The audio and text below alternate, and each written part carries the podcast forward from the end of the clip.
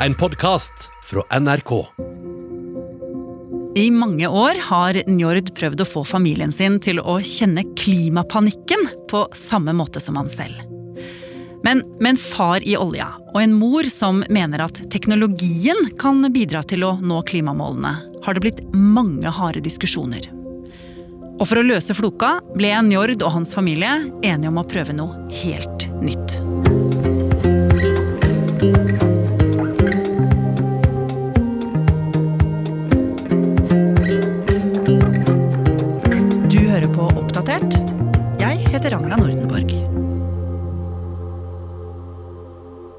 En stund siden kom jeg over en bok som het eh, OK Boomer, um, som rett og slett var en selvforsvarsguide mot klimahersketeknikker, uh, retta mot unge folk som skal i middagsselskap med klimasinte onkler. Eline Johnsen Helledal er journalist her i NRK. Og hvis vi ser på hva forskerne sier, så uh, bekrefter jo egentlig det at uh, det kanskje er et behov der ute da, uh, for en sånn bok, fordi eh, generasjonsgapet øker i klimasaken. Så de unge de bryr seg mer om klima, de er mer engasjerte, de stemmer grønnere enn det de eldre gjør. Og jeg jobber jo i klimaredaksjonen i NRK, og der er det jo mye fokus på det politiske og de store og strukturelle utfordringene. Men derfor ble jeg veldig nysgjerrig på sånn, hvordan påvirker det familielivet eh, når generasjonsgapet øker på den måten her. da? For mitt inntrykk er at det er ganske dårlig stemning rundt mange middagsbord når det snakkes om klima. Så da vi kom i kontakt da, med Njord Kilvær, så var det veldig gøy, fordi han er mildt sagt klimaengasjert, eh, men har en familie som ikke er like lidenskapelig som han. Jeg har jo egentlig alltid vært opptatt av klimasaken. Jeg mener sånn eh, Som barn som vokste opp eh, på tidlig 2000-tallet, så fikk man jo med seg liksom at The Day After Tomorrow gikk på kino, og at alle så en ubehagelig sannhet og sånn. Som du sikkert hører, da, så har han jo alltid vært engasjert, men i 2017 så opplevde han noe som virkelig satte fart på det miljøengasjementet. På den tiden her så var han akkurat ferdig med å studere musikkvitenskap. Broren hans hadde gått eh, på folkehøyskole, og de bestemte seg egentlig for å reise på backpacking eh, for å gjøre noe hyggelig sammen, så de reiste til Bolivia i Sør-Amerika. Og Bolivia har jo en veldig unik natur med høye fjell og store, flotte isbreer som er tusenvis av år gamle. Og de gjør det jo faktisk mulig å bo der, fordi de forsyner da disse små landsbyene med drikkevann. Og hit dro altså Njord og lillebror. Vi leste en sånn guidebok som heter South America on a Shoestring Budget. Og Den utgaven var litt gammel, og der sto det at eh, i Bolivia, i La Paz, så kunne man stå på ski da, på det eh, skisenteret som er høyest over havet i hele verden. Så det var på en måte en del av vår plan. Men når vi kom dit, så viste det seg at breen som skisenteret lå på, i likhet med mange andre breer som gir drikkevann til landsbyer og byer rundt omkring i Andesfjellene, allerede hadde smelta. Og da var det bare sånn eh, Shit. Der var det for seint, liksom. Too bad. Skulle kommet for eh, fem år siden. Så denne turen gjorde jo et skikkelig inntrykk på han, og han kom jo hjem som et litt annet menneske, rett og slett. Ja, Han kom hjem eh, og begynte å lese FNs klimarapporter på senga mens han tenkte på hvor ille det her kunne bli. Da Da begynte jeg å føle at eh, jeg har et ansvar, på en måte.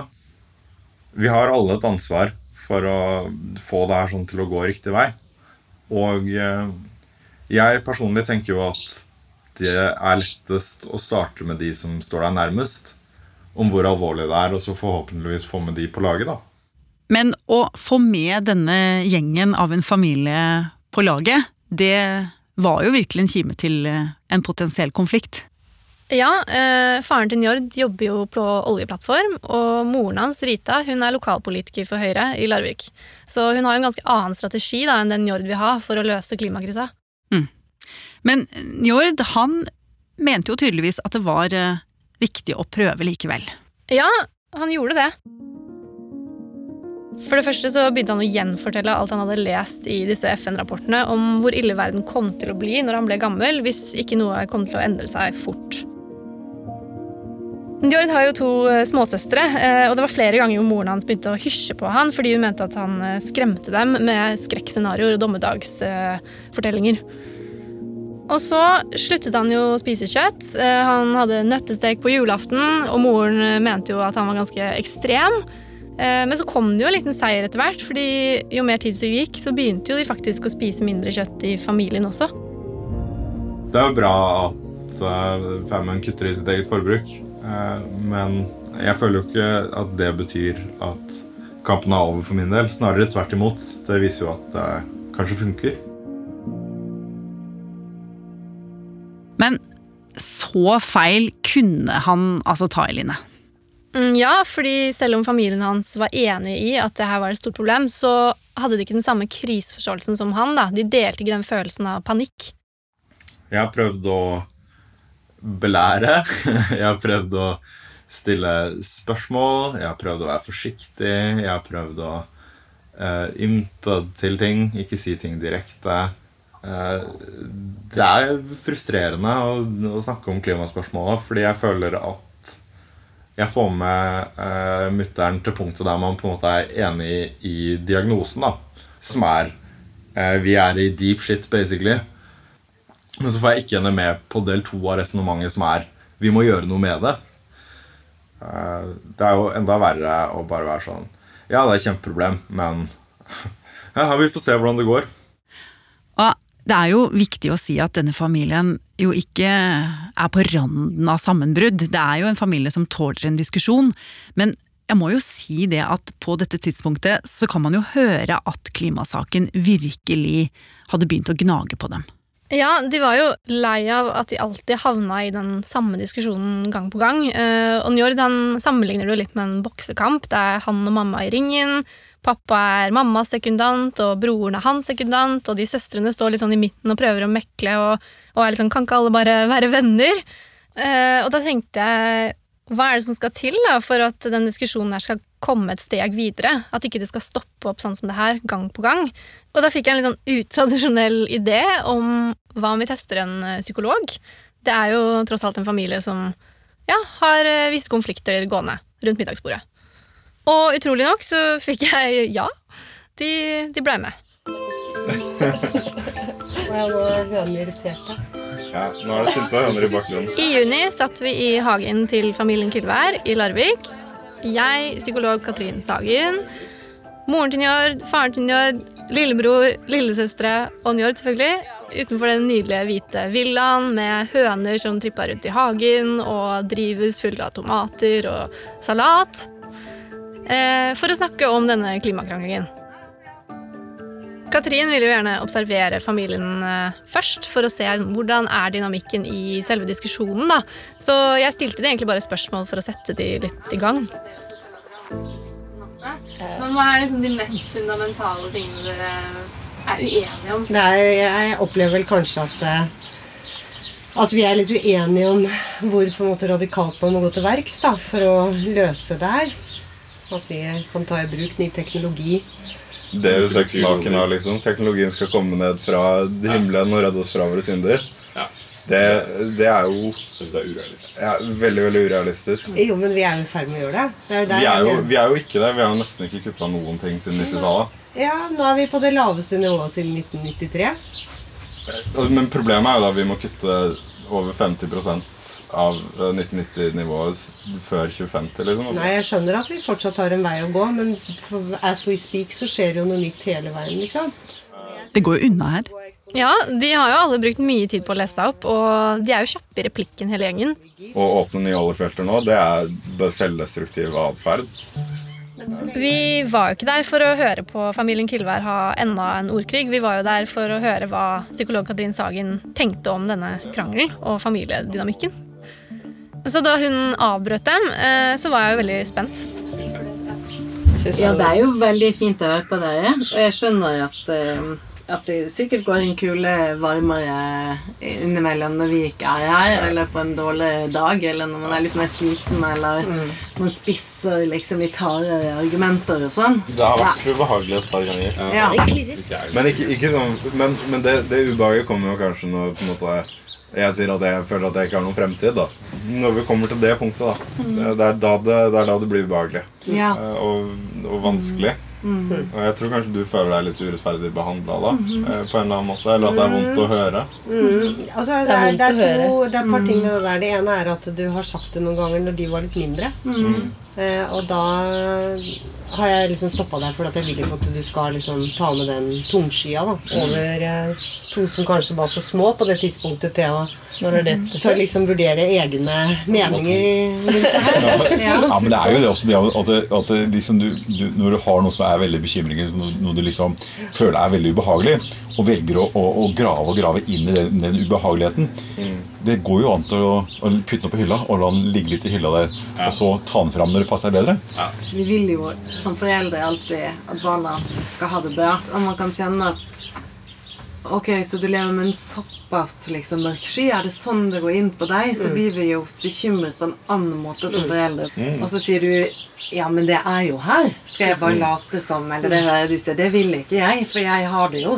Det syns jeg er veldig trist. At du skal være, gå rundt og liksom ha en eksistensiell krise pga. klimaet, som jeg tror kommer til å løse seg. da. Ja, Hva er det du trenger å høre fra de på en måte? Hva er det du lengter etter å høre? Hvis det går an å si det sånn. For, at, ja. for jeg vet ikke om du vet det, men jeg var blitt nysgjerrig på det. Når er dette kjennes godt for deg, hva er det du lengter etter de skal si?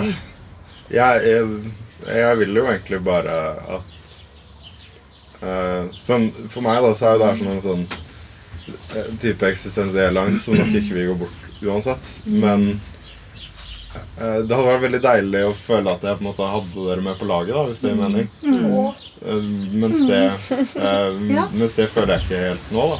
Men vi er jo ikke på andre laget, da. Da vi satt der, så tenkte jeg på et tidspunkt sånn Nå begynner vi å nærme oss noe. Eh, Det virket veldig som om de kanskje kunne forstå hverandre bedre, da. At de hadde litt sånn sårhet eh, for hverandre.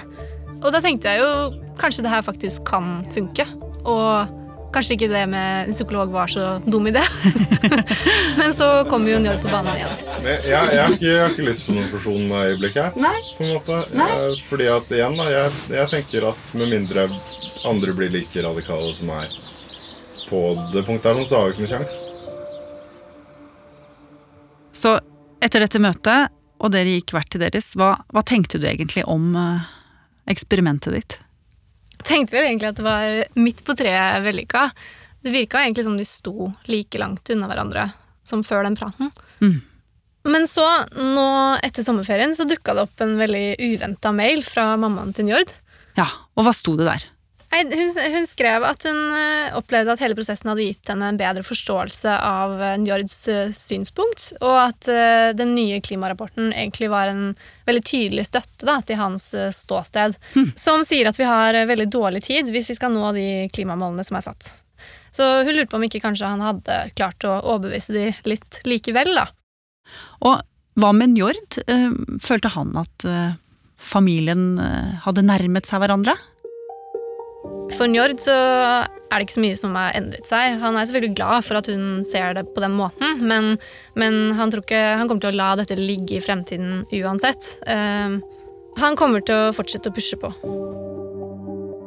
Det er ikke uh, Det er ikke oss som familie som har et problem her sånn. Det er oss som art som har et problem. Uh, og jeg tenker jo også at det ansvaret jeg har for å påvirke mine nærmeste, det vil aldri forsvinne. Og, og om det så fører til at det blir noen ubehagelige middagssamtaler eh, opp igjennom, så er det, det er faktisk en pris jeg lett er villig til å betale. Hvis det kan bety at jeg pusher noen en centimeter i riktig retning her. For det er så viktig. Og eh, ingen av de store sakene man har vunnet opp gjennom tiden, har eh, blitt løst som følge av at man har bevart husfreden. Folk har faktisk stått på barrikadene og blokkert veier og gjort det ubehagelig for de som ikke vil ta samfunnet i riktig retning. Fordi um, det, er det, det er det som kreves for å oppnå endring. Og for min del, etter å ha jobbet med denne saken her en stund, så tenker jeg at det ville vært mye verre hvis de ikke hadde snakket om det. Kanskje det egentlig ikke står så verst til i familien Killvær.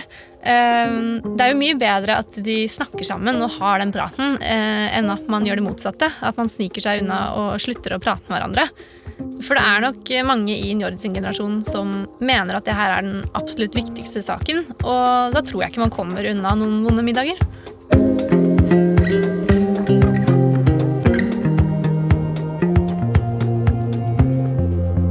Har du lyst til å bli fast lytter av oss i Oppdatert og få påminnelse om nye episoder, er det bare å følge oss i NRK radioappen. Og så er det veldig hyggelig hvis du vil anbefale oss til en venn. Oppdatert er en podkast fra NRK Nyheter, og denne episoden er laget av Ida Tune Øritsland, Pål Gauslå Sivertsen, Andreas Berge og meg, Ragna Nordenborg. Knut Are Tornås er redaksjonssjef. Vil du kontakte oss, gjør gjerne det på oppdatert krøllalfa nrk.no. Du har hørt en podkast fra NRK. Hør flere podkaster og din favorittkanal i appen NRK Radio.